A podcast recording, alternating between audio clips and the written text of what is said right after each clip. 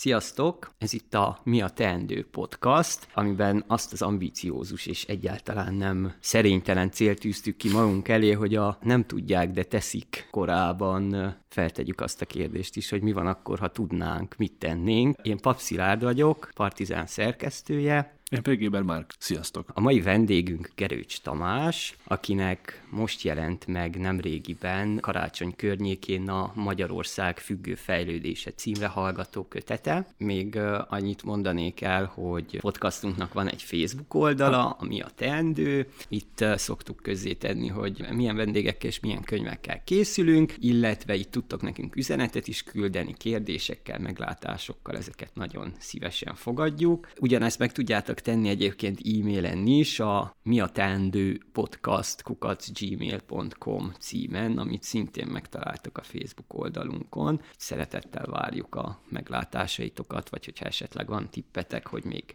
kivel lenne érdemes beszélgetni, milyen könyvet lenne érdemes megtárgyalni, vagy milyen témakört, és akkor esetleg ahhoz mi aztán vadászunk embereket, szóval minden ilyen észrevételt, kérdést nagy szeretettel fogadunk.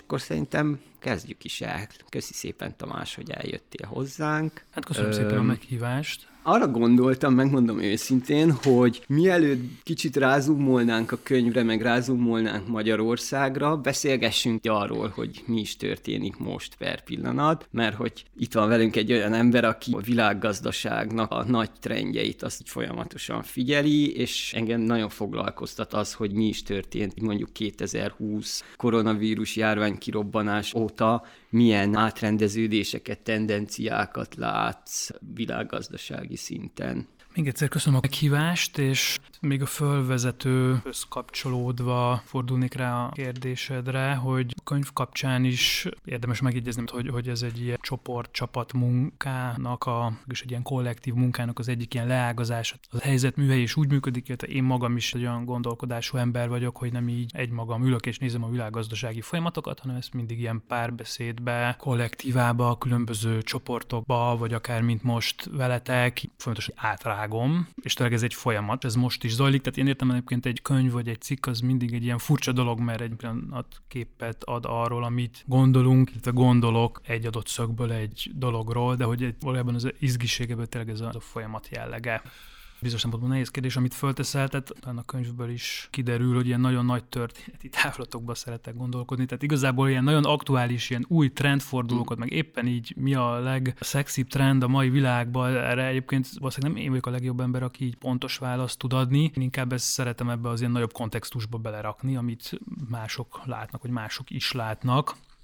Összességében én nem látom egyébként, hogy a 2020 lenne egy ilyen nagy történelmi fordulóink. a meglévő folyamatok felgyorsultak, eszkalálódtak, vagy ilyen kontúrosabbá váltak. Politikai, gazdasági rendszerekre, intézményekre értem, csak tehát, hogy ezek a trendek, ezek itt voltak, én nem látok ilyen új trendet, de az biztos, hogy a kontúrok máshogy látszanak, mint 2020 előtt. És hát itt sok mindent ki lehet emelni, például ez a digitalizáció, mm-hmm. hogy mhm. milyen folyamatokat eredményez mondjuk az oktatásban, de egyébként a gyártásban, és általában az ember interakciókban. Ez egy nem új, tehát nem 2020-ban kezdődött, de azóta mélyült, vagy azóta látszik az, hogy ez nagyon sok lehetőséget kinyitott arra, hogy hogyan szervezzék újra a társadalmi intézményeinket. A társadalmi rendszer az egy ökológiai rendszer, és így nem lehet csak ember és ember, meg osztályok közötti osztálykonfliktus körüli viszonyokként értelmezni, hanem igazából ennek egy szélesebb aspektusa van. Ezt nem, ezt nem mindig vesszük figyelembe, meg ez sok szempontból egyébként most válik ilyen szexi témává, de egyébként van, van ennek hagyománya, hogy erről hogyan gondolkodtak korábban. Na ez például egy olyan téma, ami most nagyon élesen kijön, mert látszik, hogy a hétköznapi élet legapróbb folyamatait, részleteit is most úgymond a válságkezelés jegyében szabályozzák újra, szabályozzuk újra, tehát hogy ez ebben a nagyobb ökorendszerben értelmezhető egyáltalán.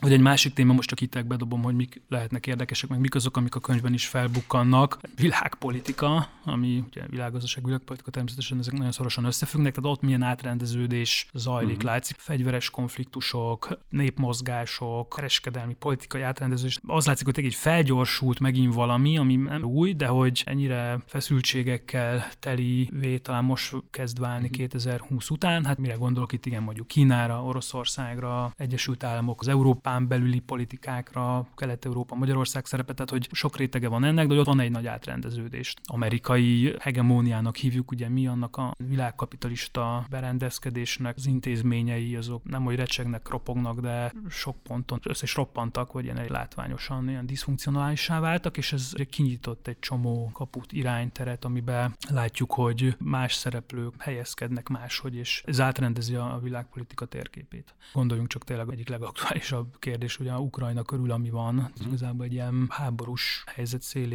vagyunk, úgy érzem, tehát elég forró hangulat.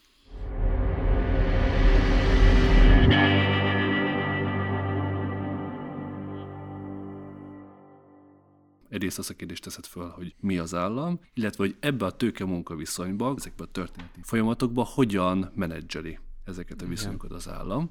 Ezt tovább gondolva, a könyv egyik központi fogalma az hídmodell, mm. hogy Magyarországot, mint hídmodell írod le, amit a magyar állam állít elő azok között a világpolitikai, világgazdasági kényszerek és lehetőségek között, amik között van, és ha lenne a kérdés, hogy akkor mi is az a hídmodell, vagy hogy néz ki, mi az a konkrét konfiguráció, ahogy a magyar állam ezt a dolgot felépíti.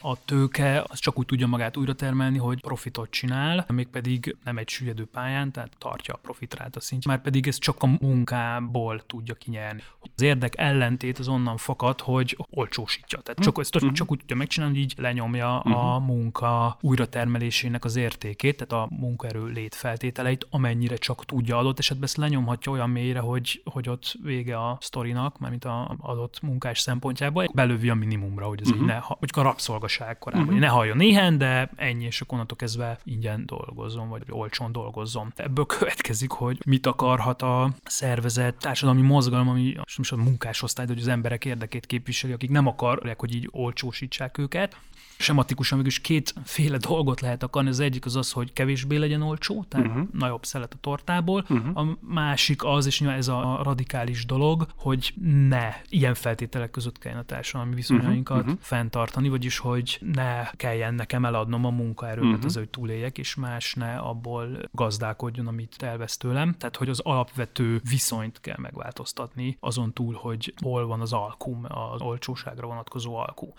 Itt mindig ez lesz az izgalmas, hogy ezt hogy lehet összeegyeztetni, meg rövid táv, hosszú táv, uh-huh. valamelyiket a másik árán, tehát hogy hogy fogalmazzák meg ezt ezek a mozgalmak.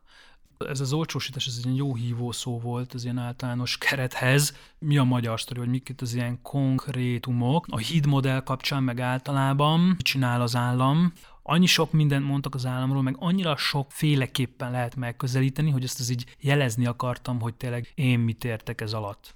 És akkor itt jön be az, hogy egy ilyen közvetítő, végülis egy ilyen menedzser vagy intézményi környezet, amiben ezek az érdek viszonyok vannak menedzselve, beleértve mhm. nagyon hangsúlyosan az érdek ellentéteket is, meg az érdek szövetségeket is. És ez egy ilyen dinamikus sztori, ez egy az áll, hogy hogyan közvetít, ez egy ilyen nagyon-nagyon történet, egy ilyen, ilyen dinamikus folyamat lesz. És akkor egyfelől igen, itt jól megragadható egy ilyen, mégis ez egy általános tézis, az állam az egy ilyen közvetítő, az érdek, uh-huh. érdek csoportok közötti közvetítő, oké, okay, az izgi az az lesz, hogy adott helyzetben kik ezek a csoportok, honnan jönnek, uh-huh. merre tart, mi a konkrét érdekviszony, uh-huh. mert az az állam az az lesz, az egy olyan állam lesz.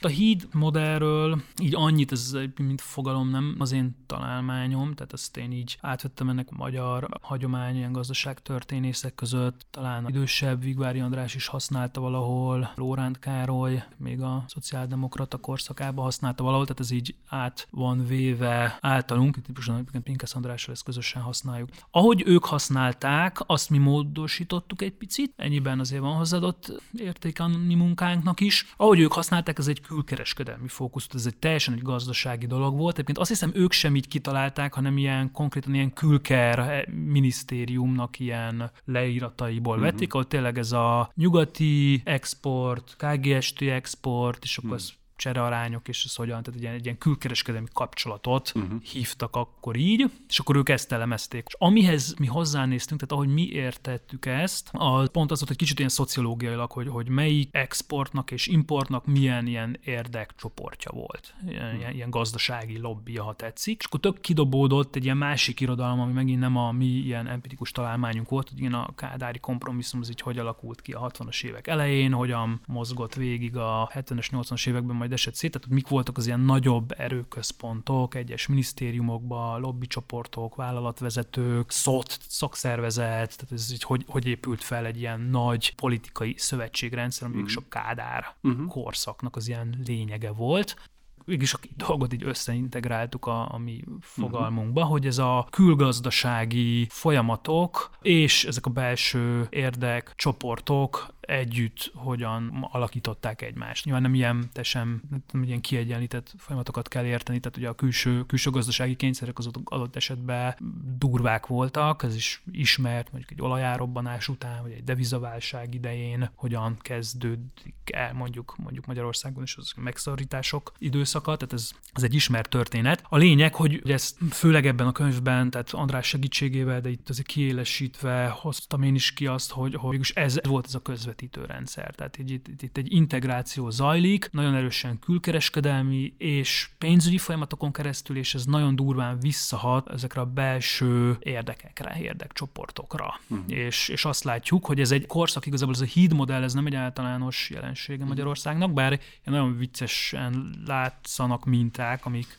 ma is azt mondanám, uh-huh. hogy összehasonlíthatóak ilyen 70-es évekkel, de azért alapvetően ebben ez, tehát egy ilyen történeti korszakot értünk, ami a kádári kompromisszum kompromisszummal kezdődik, így 56 után, amikor is az ilyen 61-62-es konszolidációval, és hát is 89-ig tart, tehát ez a hm. államszocialista kádárkorszak, ez, ez a hídmodell, ami, amit mi hídmodellt találtunk, aztán utána a 89 utáni rendszerváltás, az már más, ott már, ott már más csoportok jönnek meg, máshogy közvetít, más feltételei lesznek az integrációnak, tehát az már egy másik modell, Hát nyilván az is nyilvánvaló lesz, hogy a hídmodell sem ilyen monolit, tehát ami talán kiolvasható a könyvből is, meg más cikkeinkből, hogy ez transformálódott. Tehát igazából ez a hídmodell valójában, mint egy ilyen konszolidált állapot, ez egy ilyen pillanatképe volt. Kádári aranykor 70-es évek, ez nagyon gyorsan válságba csúszik, és hát ennek a válságnak megint megvannak a külső és belső eredői.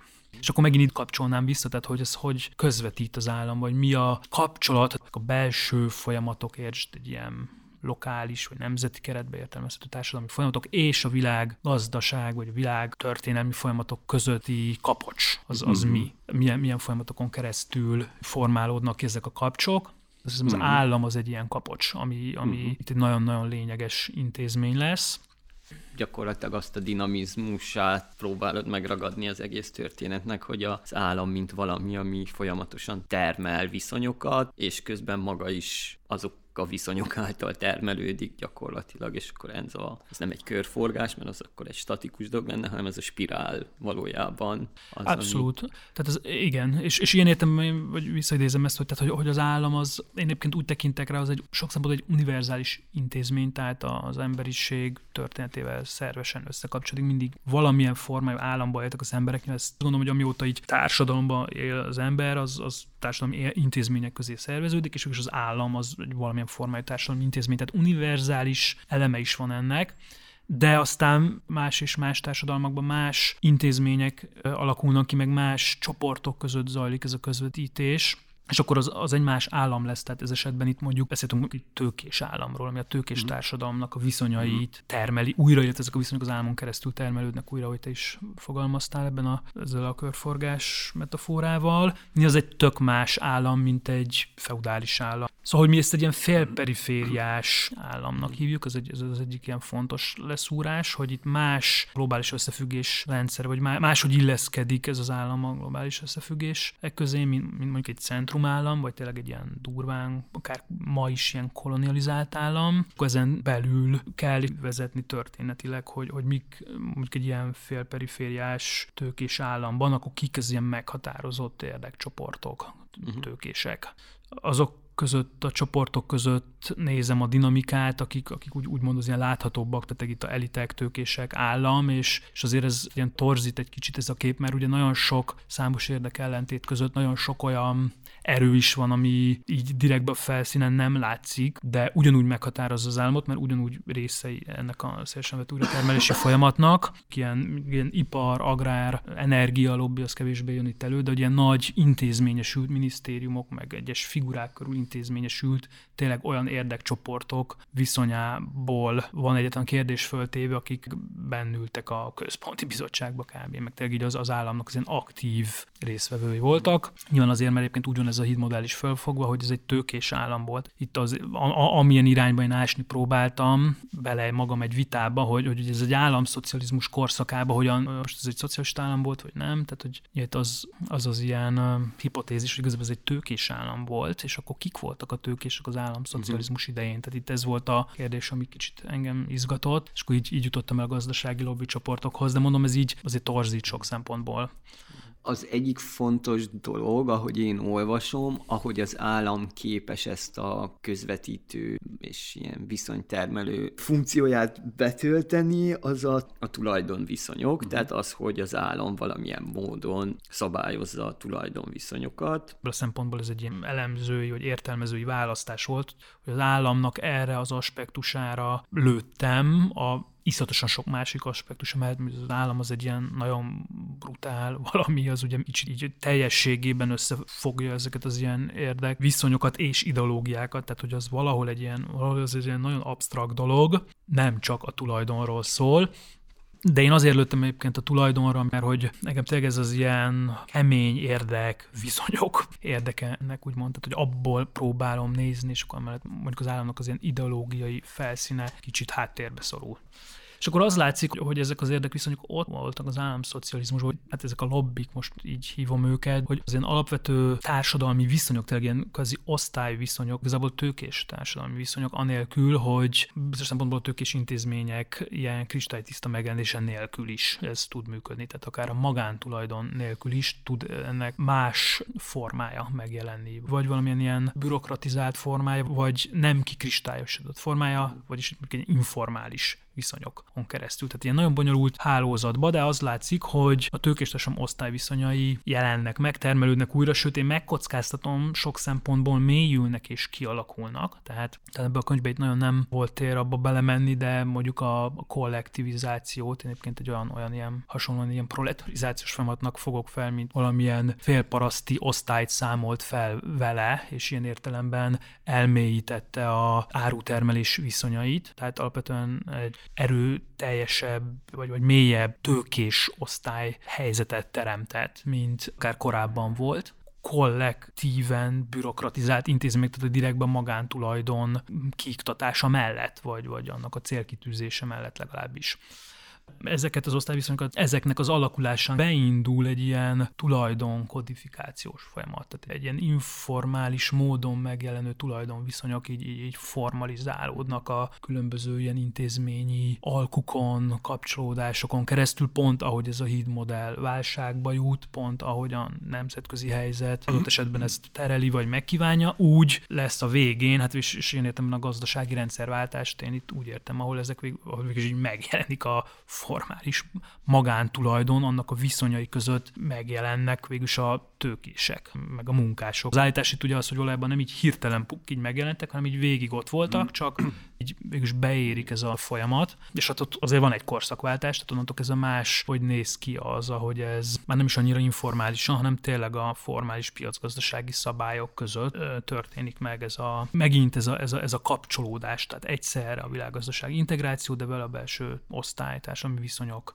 újra termelődése félperifériás helyzetnek az egyik ilyen jellemzője, hogy egy ilyen nagyon érdekes törés meg dinamika lesz a külföldi tulajdon, tehát nagy nemzetközi társaságokat tetszik, német ipar, más európai pénzügyi tőke, vagy most kínai, orosz tőke, mindenféle tőkék azért megjelennek, és az a fajta helyi, most jobb ilyen idézőben nemzeti tőke között, helyi burzsázia, ipari nemzeti tőke között van egy ilyen dinamika, sokszor így úgy érzem, ez nagyon szépen látszik a magyar sztorin, az aktuális uh-huh. magyar sztorin, hogy, hogy hogyan működik ez a tőkefrakciók, de nagyobb uh-huh. külföldi, kisebb helyi tőkék közötti feszkó, ez, ez mikor oldódik fel, mert mindig van egy ilyen pillanat, amikor így feloldódik. Máskor úgy tűnik, hogy ez valami összeegyeztethetetlen ellentét, például, hogy most hogy írják át a munkatörvénykönyvét, milyen környezetvédelmi szabályozások legyenek.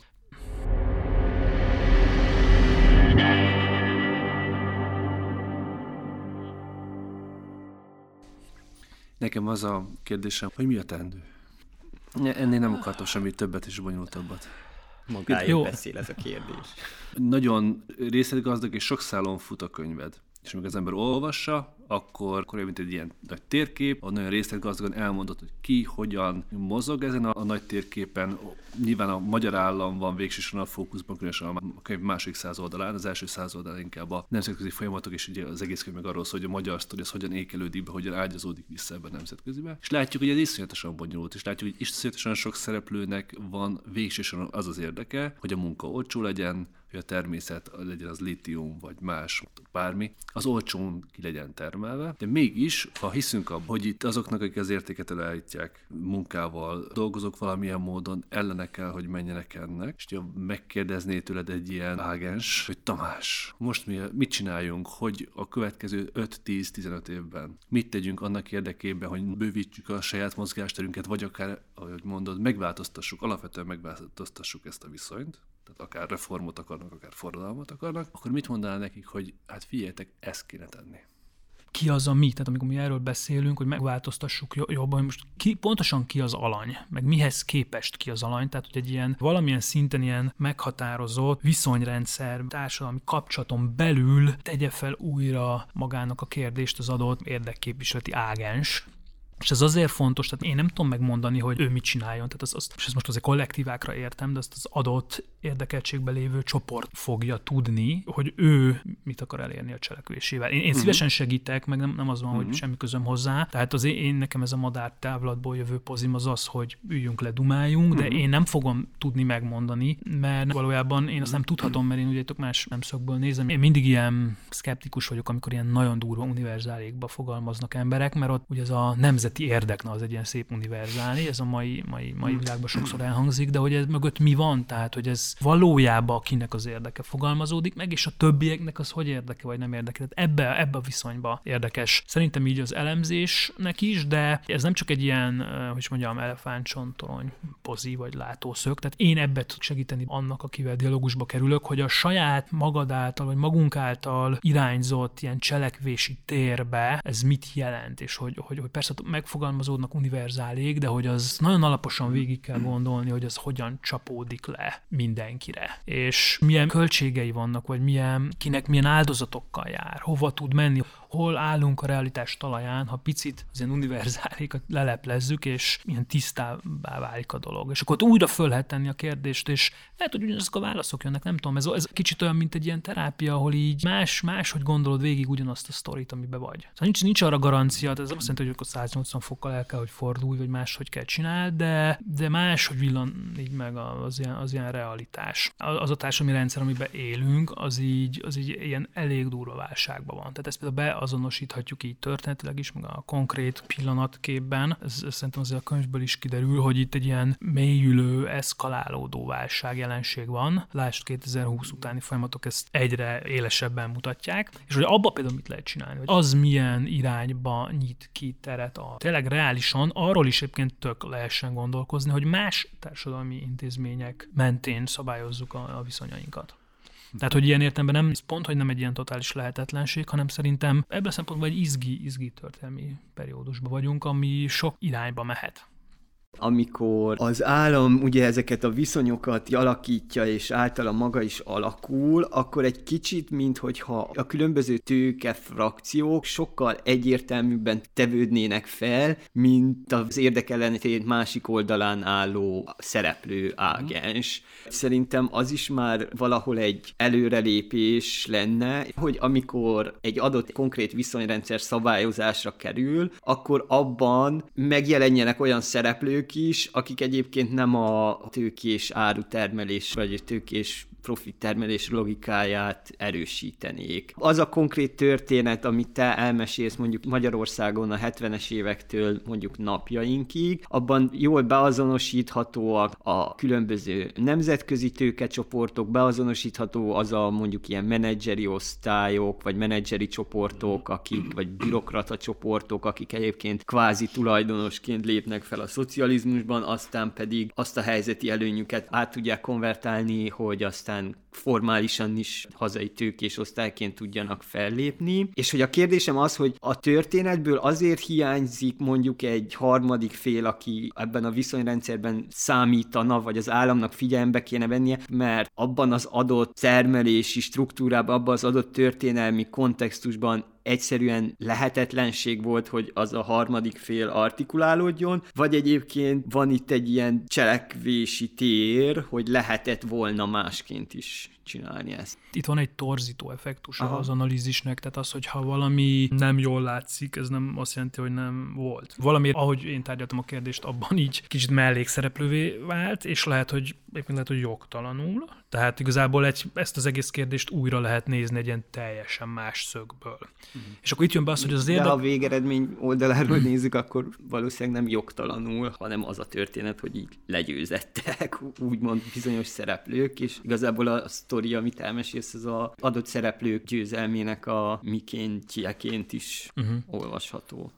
Ez érdekes, hogy ezt mondod, mert ez nem volt szándékom, hogy ilyen győzel. Mi sztori legyen ellentétes vektorok eredője mindig a történelem, és nem csak két vektor, hanem sok. És ilyen értelemben az, hogy ez hogy fejlődött ki ez a sztori, ebben mindig ott van egy társadalmi inercia, ott van egy ellenállás, ott van egy erő, ami ha nem lenne ott, akkor egyébként valószínűleg tök más sztori lett mhm. volna az nem azt jelenti, hogy ezek kiegyenlített uh-huh. küzdelmek, sőt igaz az, hogy ebben a tőkés társadalmi viszonyban ilyen nagyon összetettek az érdekellentétek, tehát igazából van egyfelől ez az ilyen mély és sokszor implicit érdekellentétek, és ilyen tőke munkellentét, amire utalsz, és van, ami a, a felszínen zajlik, ami egy tőkeközi érdekellentét, az sokkal explicitebb és láthatóbb, és ez a, ez a torzó az én munkámban is, hogy, hogy megjelenik egy ellentét, csak a fókuszban igazából nem az az ellentét van, amire te kérdezel rá, uh-huh. hanem egy tőke közi ellentét van, és annak a mozgásában válik másodrangú vagy mellékszereplővé kicsit a, munka, most ez egy abstrakció, de úgymond a nem tulajdonosi csoportok. Az egy más sztori lett volna, de ez a sztori elmondható az ő szemszögükből is, és igazából egy nagyon jó sztori az, az ott lévő dinamikából nézi a történelmet, tehát ez, ez itt kicsit kimaradt, és szerintem nincs legyőzetés, tehát ez a sztori nem ér véget a kapitalizmusba se, tehát nincs kapitalizmus csak kapitalistákkal, tehát igazából ez egy állandó, ebből az ellenmondásból is táplálkozik, az, az hajtja előre. Haitit hagyd mondjam, mint ez egy nagyon klasszikus példa, meg a karibi történelem, forradalmak történetet. Ugye rögtön ez az egyik kritika, hogy na jó, de hát igen, szóval az a forradalmak kora, abban mind, mindig így kiadják a Haitit. Pedig mhm. az volt a legdurvább forradalom, az első fekete köztársaság, tehát így mi ahhoz képest a Napóleon. Igazából az egész sztorit a Haiti döntött el. Tehát, hogyha nem érted meg a Haitiben mi zajlott, akkor igazából akkor nem is lesz világos a franciák és a britek között mi zajlott. Munkáslázadás, de ugye a rabszolgalázadás az impérium államok ellen, és a tők és a rendszer hogy hova fejlődött, meg milyen irányba kanyarodott a, az ő konfliktusuk. Ez mindig így el van mondva a brit-francia küzdelemből, de hogy valójában ebben a kulcs pillanat az a Haiti belépése volt. Igazából most, amit mondtál, az tapint rá az igazi frusztrációmra, hogyha kizúmolunk, akkor igen, a kapitalizmus, mint történeti jelenség nem képzelhető el a vele szemben való ellenállás nélkül, mert hogy az befolyásolja, hogy milyen irányokba mozdul el, de hogy akkor innen nézve igazából az ellenállás ez valójában az egyik fenntartó tényezője ennek az egésznek, és akkor innen nézve meg, hogyha levisszük nagyon ilyen konkrét korban élő, konkrét ágens szintjére, akkor valójában fölösleges. Hogy azt mondom, hogy oké, okay, akkor én ellenállok a kapitalizmusnak, és akkor izé, izé, és az lesz a jutalmam, hogy valójában segítem innovációra ösztönözve a kapitalizmust, hogy átlendüljön azon a válságon, ami egyáltalán lehetővé tette, hogy én ellenálljak, mert ott nyílt mm. meg egy kis cselekvési tér az ellenállásnak. Értem, Igen. amit mondasz. Nem teljesen értek vele egyet, azt a következtetés semmiképp nem vonnám le, hogy szükségtelen, mert leve a sztoriban nincs benne a szükségszerűség sem, tehát a kapitalizmus az nem egy magát mindig újra termelni képes statikus valami, ami ráadásul saját ellentmondásait is felhasználja a saját újratermelésére, hanem ez egy változó valami, nem tudjuk milyen irányba változik, és mindenki hozzászól a maga módján, és ebből bármi lehet. És akkor egyfelől van az értelmezése ennek, az, az apparátusra vonatkozik csak, tehát az ellenállás az nem kívülről jön, tehát nem az, hogy van ott, ott, ott ül a sarokba a kapitalizmus, és akkor valakik így kívülről jönnek és megváltoztatják, de aztán rájönnek, hogy nem tudtak megváltoztatni, akkor miért csinálták, hanem eleve ez ez mindenki része, tehát mindenki csinálja, csak itt lesz az a kérdés, hogy, hogy tudod-e, hogy mit csinálsz, vagy, vagy tudod-e a következményét annak, hogy mit csinálsz, és bizonyos szempontból ez limitált mindenkire a, a, az értelmiség se tud, tehát hogy nincs az a totális kép, amit lát, totális pozíció, de ezen például lehet javítani, hogy, hogy azt tisztázni, hogy akkor az adott történelmi körülmények között az adott cselekvés az milyen irányba löki az egész rendszert. Mi annak a szerepe ebben. És egyáltalán nem szükségszerűen a kapitalizmus fennmaradása felé, tehát hogy bármit csinálsz, úgyis az lesz, ez, ez nem, nem állítás itt. Maximum a legerősebb állítás, amit tennék, hogy minél jobban látod, hogy mit csinálsz, annál több esélyed van, hogy változtass, és minél kevésbé látod ezt át, például benne ragadsz valamilyen ideológiát, hiába, annál valószínűbben az vissza fog csatolni. Része vagy, tehát hogy az egy hiba azt gondolni, hogy nem vagy része. Könnyű félreértésbe kerülni, például, hogy felesleges bármit is csinálni, meg lehet kívülről mozizni, mert ez, ez az állapot nem, nem, nem létezik. A másik, amit mondani akartam, mi összes cselekvésünkön múlik, hogy, hogy mi lesz a rendszerrel, és hogyha elég sok ember elég jól koordináltan, elég hatékonyan valamit nagyon máshogy csinál, akkor másmilyen lesz a rendszer munkás ellenállással, mi történik egy ilyen típusú félperifériás rendszerben. Hol van a magyar ellenállás?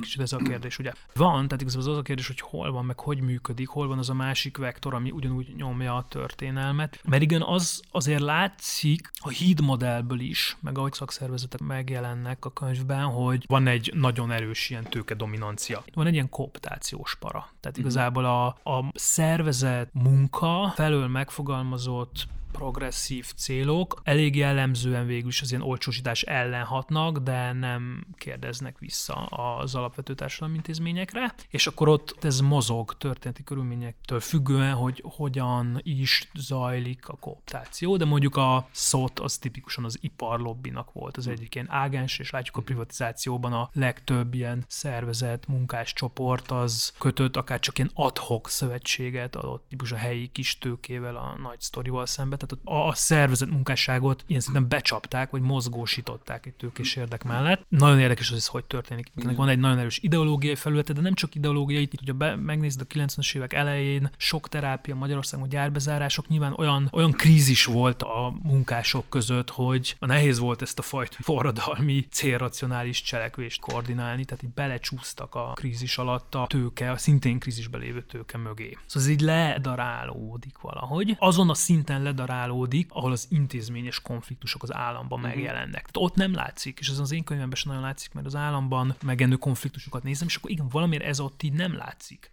Tehát máshol van, máshol kell keresni. Magyarország esetében tényleg az a sztori, vagy az az ilyen nagyon érdekes dimenziója ennek a sztorinak, helyzetművében sokan foglalkoznak ezzel nálam, te a könyvben nem ez volt a frontvonalban, de hogy sok esetben tényleg az ilyen informalitásban, meg Aha. a háztartásokkal. Tehát ez egy olyan szinten van, ami nem véletlenül, de nem is látszódik. Szociológus szemüveggel kell nézni, és emberek nézik is, hogy a híradóból nem fog kiderülni. Sőt, tipikusan ott a fő propaganda, az ilyen nagy narratívák funkciója sokszor az ezt akar akarja, most az igazi konfliktus nem akarja látni soha, máshol járt konfliktust, tehát tipikusan takarásba lesz, de hogy ott zajlik az, ahol, ahol ez így megjelenik, és hát szomorú, tehát onnan nézve kicsit akár ez a legyőzetett sztori is igaz lehetne, ha, ha ennek a sztorinak lenne egy vége, de valójában ez egy állandóan zajlódó történet, hogy és az a kérdés, hogy ez miben megy át, hol szervez, hol csapódik ki, hol lesz cselekvés, és, és milyen fajta cselekvés lesz abból, ami egy ilyen eredendő, akár a túlélést szolgáló ellenállás. Számos kezdeményezés van, és tényleg ez a mi a teendő kérdés, ez így nagyon izgi ebbe a kontextusba, hogy ezt hogyan, szerintem nekünk végül is ilyen baloldali gondolkodóknak, de ezt kéne segíteni, hogy segíteni azt uh, megtalálni és artikulálni, ahol ott van, szükségszerűen ott van egy tőkés társadalom ellentmondásainak az ilyen feszültsége ez nem áll össze egy ilyen nagy politikai cselekvővé, ami úgy tényleg akár így lőni tudna az államra, vagy ezt az egész viszonyrendszert át tudná alakítani, hanem lokalizálva lesz tudatilag is, meg a maga, maga fizikájában, és nem tudom, háztartáson belül marad, családon belül marad, esetleg gyáron belül marad, vagy valamilyen narratívába belül, migráció, az egy ilyen narratíva, oda bele tuszkolták, tehát hogy így mindenhogy helyben marad. Egyelőre az látszik, de ott mindenhol ott van, és nagyon sok formában ott van. Vannak persze a jó kezdeményezések is, tehát hogy látszik az, hogy ezen dolgoznak emberek, aktivizmus, szervezetek, szövetkezetek, tehát van szervezettebb erő is, ami ezt így megpróbálja értem megkeresni, és aztán azzal kezdeni valamit, hogy egyébként tényleg politikai cselekvés legyen belőle. Ami itt még úgy nem tudom, talán egy szót érdemel, ami egy veszélyes dolog, mert hogy nyilván Magyarországon én úgy látom, hogyha egy ilyen szervezet, politikai erőket, meg ideológiákat nézzük, akkor ugye a nagy ideológiai versenyhelyzet az, az sajnos hogy ez nem a bal oldal és a jobb oldal között van, hanem a jobb és a még jobb, tehát ilyen jobbra tolódik az egész narratíva. Ott jön ki, és ennek van oka, tehát hogy, hogy sokszor tényleg az van, hogy szélső jobboldali ideológia mellett csinálnak meg komoly szervező munkát, mm. ami becsatornázza mm. ezt az erőt, és aztán természetesen nem forradalmi erő lesz belőle, hanem ellenforradalmi erő, tehát hogy ez egy ez egy mégis ez egy fasizálódás története. Az a fasizálódás, amikor az egyre gyüremlő erőket ezen a megfogott szervezet és ideológia alapon egyébként visszacsatolják egy tőkés mobilizációba, meg egy ilyen, ilyen meghatározott tőkés csoport beveszi az államot, vagy megtartja az államot. És ilyen értelemben hozzáteszem, ez a rossz hír, vagy hát sok erő van, tehát nem az, hogy hiányzik ez az erő, hanem ez így valahogy ilyen nagyon rossz helyre megy. Mert én úgy látom, hogy ez a pandémia is ebbe, ebbe az irányba mhm. lövi ezt el. Például, hogy még durvábban növeli az elidegenedettséget, már csak az, hogy virtualizálódik a valóság. Tehát, hogy, hogy, olyan, hogy azok a feltételek erősödnek meg, amik mellett ezt a gyülemlő társadalmi erőt így rossz felé megy két éve nem tudom ezt így megfogni, hogy valójában az a fajta ilyen kultúrharcos, hitvitás dolgok, amik így kialakulnak az oltások mhm. kapcsán, uh-huh. oltás, meg lockdown, meg az egész járványkezés kapcsán, és ez mobilizáció, ami két oldalon ö, történik egyébként, hogy valójában a választási lehetőség, amit ez a kétoldali mobilizáció felad, az egyrészt az, hogy igen, én vissza akarok menni minden áron a gyárba dolgozni, és nehogy már nekem most kötelezően valamit kelljen csinálni ahhoz, hogy vissza tudjak menni a gyárba dolgozni, és a másik oldalon meg ez az ilyen fogyasztás szabadsága, meg egy csomó ilyen, szóval, hogy igazából ilyen különböző árutermelési ideológiák alá integrál be egy, egy ilyen ellentétet ez a dolog, és ez nagyon érdekes, hogy akármelyik oldalt nézed a dolognak valójában ugyanaz. Igen, igen. Meg jó ezt mondtad, ez a gyárba vissza akarok menni dolgozni, mert tényleg az van, hogy itt a kapitalizmus újratermeléséhez mindig, mindig kell a válság, akár ilyen ideológiai szinten. Tehát, hogy ez, ez, ez úgy tud működni, hogy, hogy az emberek torkához van tartva a kés. Ha az nem lenne oda tartva, akkor nagyon más, hogy lehetne gondolkodni, nagyon más, hogy működne a cselekvés, csak annyira az, hogy így, így alapvetően lejt a pálya. És ebből a szempontból egyébként tényleg ez a válság is olyan, hogy a tőkés intézmények olyan termelődnek most újra ezen keresztül, ez egy, ez egy nagyon nagyon izgi dolog, és annyira ez így beszűkíti a teret, hogy már az a radikális igény, hogy visszamehessek a gyárba, hogy zsákmányolhassanak.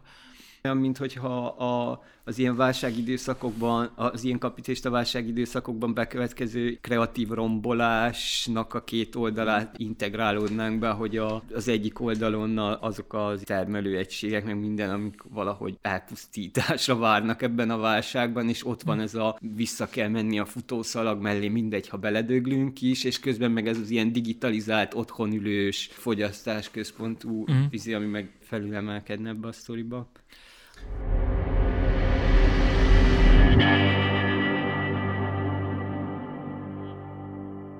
Én itt még egy szállat érzek abban, amit a Tomi mond, hogy lehet, hogy rosszul értelek, úgyhogy kihangosítom, ahogy értettem, hogy mint hogy azt mondanád egyrészt, az első egy-két állítás, hogy miután tőke munka konfliktus, nem tud artikulálódni se a munkahelyen, se az államban. Mert igazából a munkahelyből ki van nyomva, szakszervezetek viszonylag gyengé. Az államban nem tud megélni, meg le vannak nyomva. Ezért szorul vissza a háztartásba, és a háztartásban ott van a feszkó, de nem tud feloldódni. Tehát tulajdonképpen, amikor azt mondod, hogy a háztartáson belül marad, meg a családon belül marad, akkor az tulajdonképpen azt jelenti, hogy az a feszkó az ott sül ki de hogy ez sokszor fizikai erőszakba, verbális erőszakba, autoagresszióba, tehát alkoholizmusba, meg üvöltözésbe a gyerekekkel, meg ezekbe megy ki. Én úgy értettem, amit mondtál, második állítás csoport, hogy miközben meg van ez egész korona, mint munkavállaló nem nagyon tudok ezzel mit csinálni. Nem tudok nagyon pattogni a munkahelyen, nem tudok pattogni állampolgárként, akkor tudok pattogni, amikor végre pattogni tudok, hogy azt mondják, hogy oltassam be magam, akkor el tudok küldeni mindenkit az anyjába. Oltatom be magam, de közben vissza kell mennem,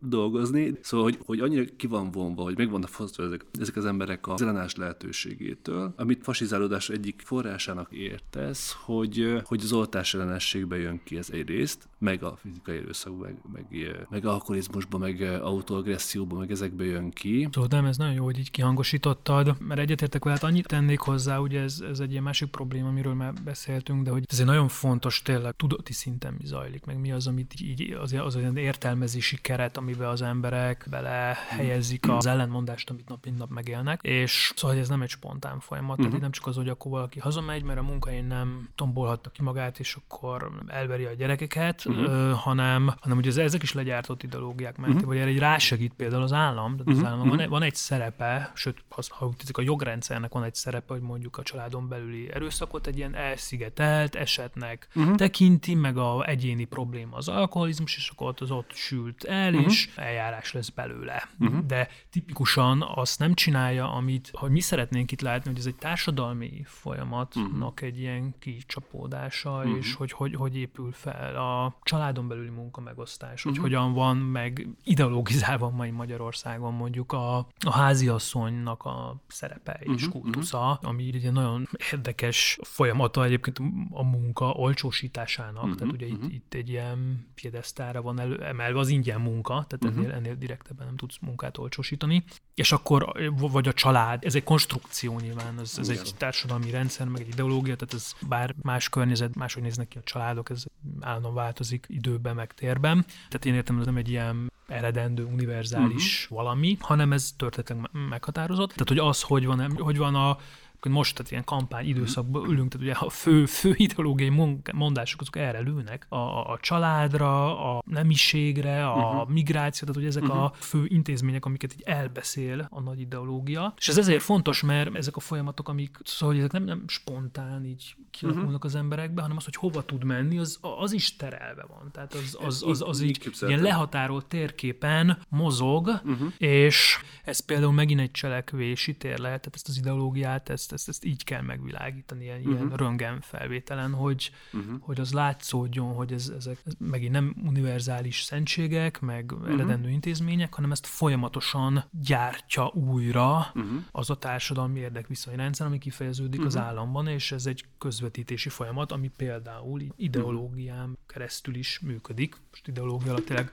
értsünk bármit a esti híradót a köztévén például. A szóhasználat, meg a szóbeszéd, ahogy beszélnek. Tehát, hogy nincs jól megvilágítva, vagy rákérdezve ez az ideológiai mező, hanem most, de hogy, hogy sokszor a, az ellenzéki kritika se erre kérdez rá, hanem ebbe a mezőbe próbálja utolérni. Vagy rámondani, hogy hát, de valójában ő volt a soros ügynök, hogy nem tudom, tehát a saját ideológiájával... Diskurzus alapparaméterein belül maradt, a kijelölt téren belül csak... Igen, igen. Így. És onnantól kezdve eleve elszából veszített ügy, hogyha uh-huh. valaki szúrja a paramétereket, és tehát ugye ez, ez a baja ezzel a rezsimmel, ugye ez, ez egy általános kritika, hogy folyamatosan úgy kell játszani a játékot, most és uh-huh. politikai játékot, hogy újraírják a szabályokat, és a másik fél, a nyertes fél írja újra a szabályokat, így, így uh-huh. hogy uh-huh. akarsz nyerni. Na ez, ez nagyon igaz most csak a tudom, választási törvényre, de erre az ideológiai mezőre. Uh-huh. És a szuper fontos, szóval tényleg ez nem lebeg a térbe az ideológia, hanem hanem, ahogy te mondtad, ezen keresztül értelmezik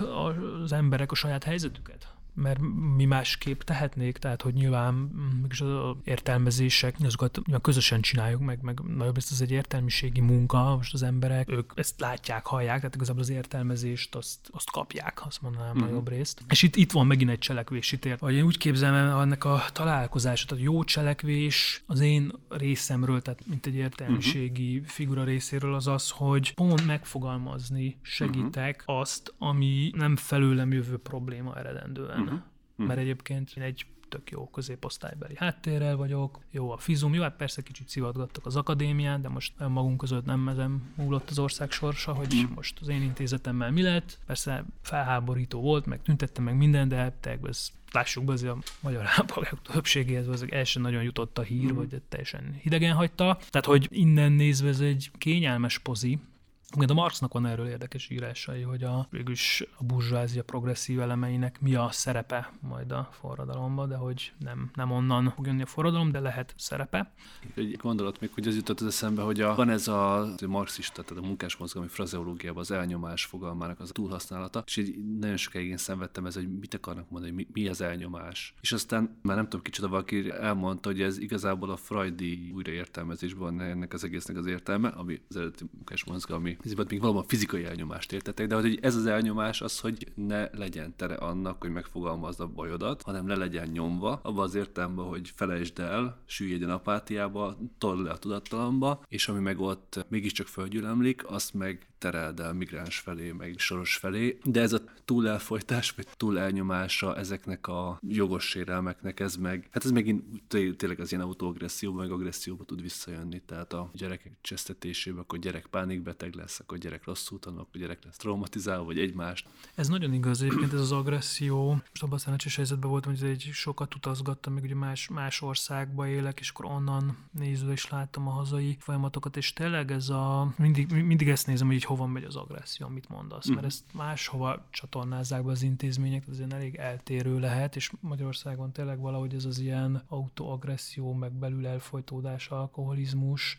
de ugye más országokban meg, meg egyre nyíltabb, tehát az Egyesült Államokban körbenézel, hogy milyen, milyen, milyen szinten zajlik ez a... Opiátok. Opiátok, uh-huh. de a lövöldözések, uh-huh. tehát hogy nem, nem, nem tehát van, van, van az a intézményi környezet, ahol nem befelé terelődik, ez hanem kifelé terelődik, és akkor tényleg ez az egész rendszernek megint egy így talán a legdurvább válságtünete, hogy nem, nem a jólét nő, hanem az egy izolálódik, és ez az agresszió jön ki mindenhonnan, ilyen, mm. ilyen nagyon durván félelmetesen. Mert ez, amit te mondasz, hogy ez, ez nem, tehát hogy nem, tehát hogy igazából az nem működik, ez, ez, ez, ezzel az lefolytással, uh-huh. ez, mhm. nem, ez, nem, ez nem egy probléma megoldás, tehát pont ez itt nincs győzelem, hanem az újra kijön valahol, uh-huh. és egy körforgásba uh-huh. forog. És az egész az, az, az egy társadalmi viszony lesz, hogy akkor ebbe a körforgásba ki védi be a privilégiumait, mi alapján uh-huh. menekíti ki, rejti el, húsz falat, húsz uh-huh. hozzá a ideológiát, és hogy mi lesznek a költségek.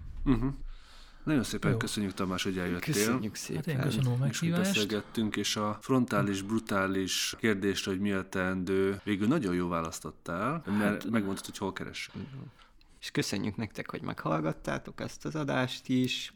Arra kérünk, hogyha tetszett az adás, amit nagyon remélünk, és még nem támogatnátok a Partizánt, akkor azért is támogassatok a Partizánt, mert a mi infrastruktúránk és a bennünket segítő személyzet ebből él. Úgyhogy azzal, hogyha a Partizánt támogatjátok, azzal például a hangmérnökünket támogatjátok, és azt, aki nekünk segít szervezni ezeket az eseményeket, és egyáltalán azt a szervezeti és infrastruktúrális környezetet, ami lehetővé teszi, hogy mi dumáljunk, ti meghalljatok bennünket. És nagyon köszönjük, hogy hallgattok bennünket. Igen, és kövessetek Facebookon a Mi a Teendő oldalon, írjatok nekünk e-mailt a mi a teendő podcastkukat gmail.com címen, és hogyha tetszett az adás, akkor osszátok is meg minél több fórumon, hívjátok meg az embereket, hogy kövessék a Facebook oldalunkat, hogy mi is több emberhez juthassunk el. Nagyon köszönjük a figyelmeteket. Sziasztok! Sziasztok! Sziasztok!